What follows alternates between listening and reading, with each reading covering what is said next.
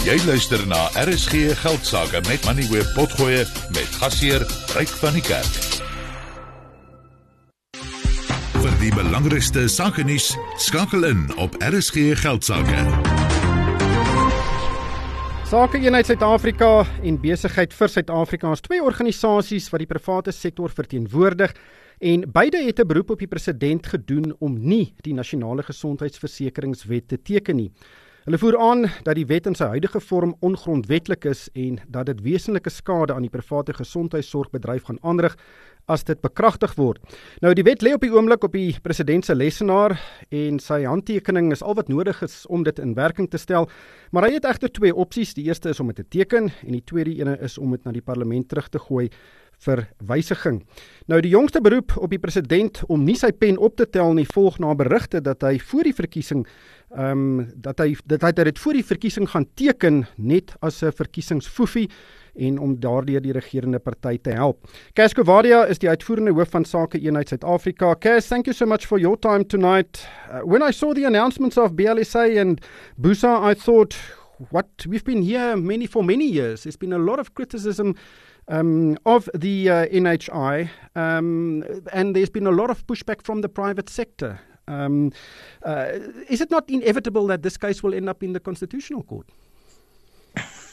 Hi, and thanks for having me. Yeah, look, we've been at this for a while, and and just to clarify that we haven't pushed back against the NHI. We've pushed back against the NHI in its current form. We we believe the NHI, with the necessary changes, is a good instrument for us to actually work between the public and private healthcare sectors to put us on the road to universal healthcare. So that's been our our sort of position.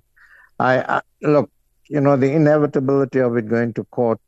I think the president signs it in its current form.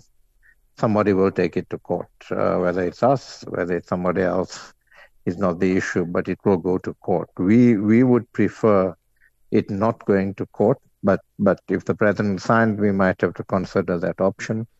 And we would prefer it not going to court because then this thing gets stuck in court because there are clear constitutional issues. And the intention of the bill then gets delayed. So to say that because the president signed the bill in its current form, that we're now going to, uh, the government can now implement it and, and we get on the road to universal health care, it's just not going to happen. There are a whole range of issues that need to be dealt with besides the constitutional issues ending up in court. Uh, we don't have the money for this. Uh, it's not only a health bill, it's a money bill because we need to look at where we get the money. Uh, uh, we we we don't have the capability in government to manage a 400 billion rand a year fund, and it puts concentration, severe concentration risk into a single fund. We we you know in the bill in its current form is crowding out the private sector instead of crowding it in, and we could have doctors and others leaving for other pastures. So it's all it's it's all unnecessary negativity that we don't need in this country. Uh, we're working with government in partnership, and we're making progress on energy, logistics, crime, and corruption. There's no reason why we can't work in partnership on health, and that's what we're appealing to the president to actually uh, uh, do to enable us to work in partnership in the health area as well. Well, that begs the question: Why isn't government uh, taking more cognizance of the private sector's position, like is the case in the logistics and energy sectors? Um, but there's a lot of speculation or views from uh, pretty prom- prominent individuals that this may be an election ploy. Um, the ANC is losing support, and there is a view that the ANC is trying to ram through this NHI bill to win votes in the election. Uh, do you agree with this?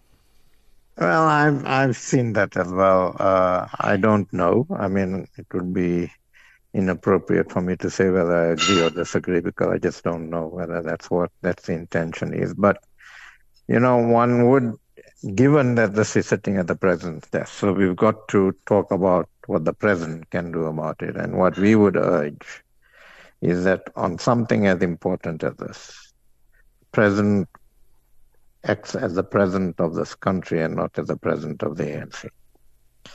as the president of this country, he's got to see that it's not a bill he should be putting into law at this point in time until he refers it back to Parliament to consider the constitutional implications, to consider the implications of process and consultation that we've also raised, to consider the implications of if this lands up in court, how long it will take, and it costs the government money, and it just leads to all sorts of uh, negative relationships that are unnecessary. We can avoid all of that. We've spoken on this show um, on numerous occasions about the proposed NHI bill, and there are many, many opposing views. But from, from your perspective, how far are the parties from each other? Is there a possibility to get common ground in the middle to make this work?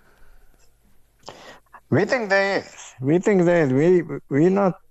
I mean, it's it's a matter. It's a mindset issue. Uh, you know, and and we thought that given the other work we're doing with government, we move beyond uh, uh, questions on whether the public and private sector can work together. I think that what needs to, if we actually have a mindset on both sides, that there are strengths and weaknesses, both in the public and private healthcare sector. We need to address the weaknesses in both. We need to utilize the strength in both to actually optimize our ability to to to move toward universal healthcare. If that's the mindset, then we can find each other. But if the mindset is that no, we're going to go on the, go it alone, we're going to rush this through for whatever reason, then we can't find each other. So, so I think you know it's sitting on the president's desk. The president has to make those considerations. Kees, baie dankie vir jou tyd vanaand. Dit was Kees Kavadia. Hy is die uitvoerende hoof van Sake Eenheid Suid-Afrika. Theo, dis 'n debat wat nou al lank kom en as en ek het verskeie van die menings gesien dat die ANC wil hierdie ding deur die regering, deur die parlement druk om dat dit een van die beloftes is wat gemaak is uh, eh, 5 jaar gelede en wat nog nie gebeur het nie. Jy's korrek, Ryk. Ek dink uh, wat Cash heeltemal reg is. Ons daar's geen Suid-Afrikaner wat reken dat almal moet behoort die toegang te kry na kwaliteit mediese sorg nie. Die beginsel stem ons almal mee saam. Die vraag is hoe kry mense dit reg in 'n land soos Suid-Afrika? En ek dink mense moet 'n groot verskil maak tussen watse mediese dienste jy kan lewer en watse mediese dienste jy eenvoudig voor moet betaal wat jy nie kan lewer nie. En in geen land in die wêreld ehm um, waar waar jy nie daarvoor betaal het jy het jy het jy mediese dienste op aanvraag nie. Ehm um, daar's 'n stelsel, maar in Suid-Afrika het hierdie mense wat dit kan bekostig, kan besluit watter diens hy wil hê. En en dit kan nie werk in 'n groter stelsel wat jy wat hierdie staat befonds word nie. So daar sal moet 'n middeweg gekry word, maar ek dink jy moet nooit die morele onderbou van 'n politikus oorskat nie. Pas op daarvoor. Ons is in verkiesingstyd. Dis so goed soos jy doen aansoek vir 'n werk en jy's nie heeltemal seker jy's gekwalifiseer nie. Dis wat politici in verkiesings doen. Hulle probeer stemme kry en as hulle primêre doelwit is om stemme te kry sodat hulle 'n werk kan hê na die verkiesing. Dis tog waaroor 'n verkiesing gaan. Jy het geluister na RSG Geldsaake met Money where potgoe elke weeksdag om 7 na middag. Vir meer Money where potgoe, besoek moneyweb.co.za of laai die toepassing af en volg Moneyweb News om dagliks op hoogte te bly.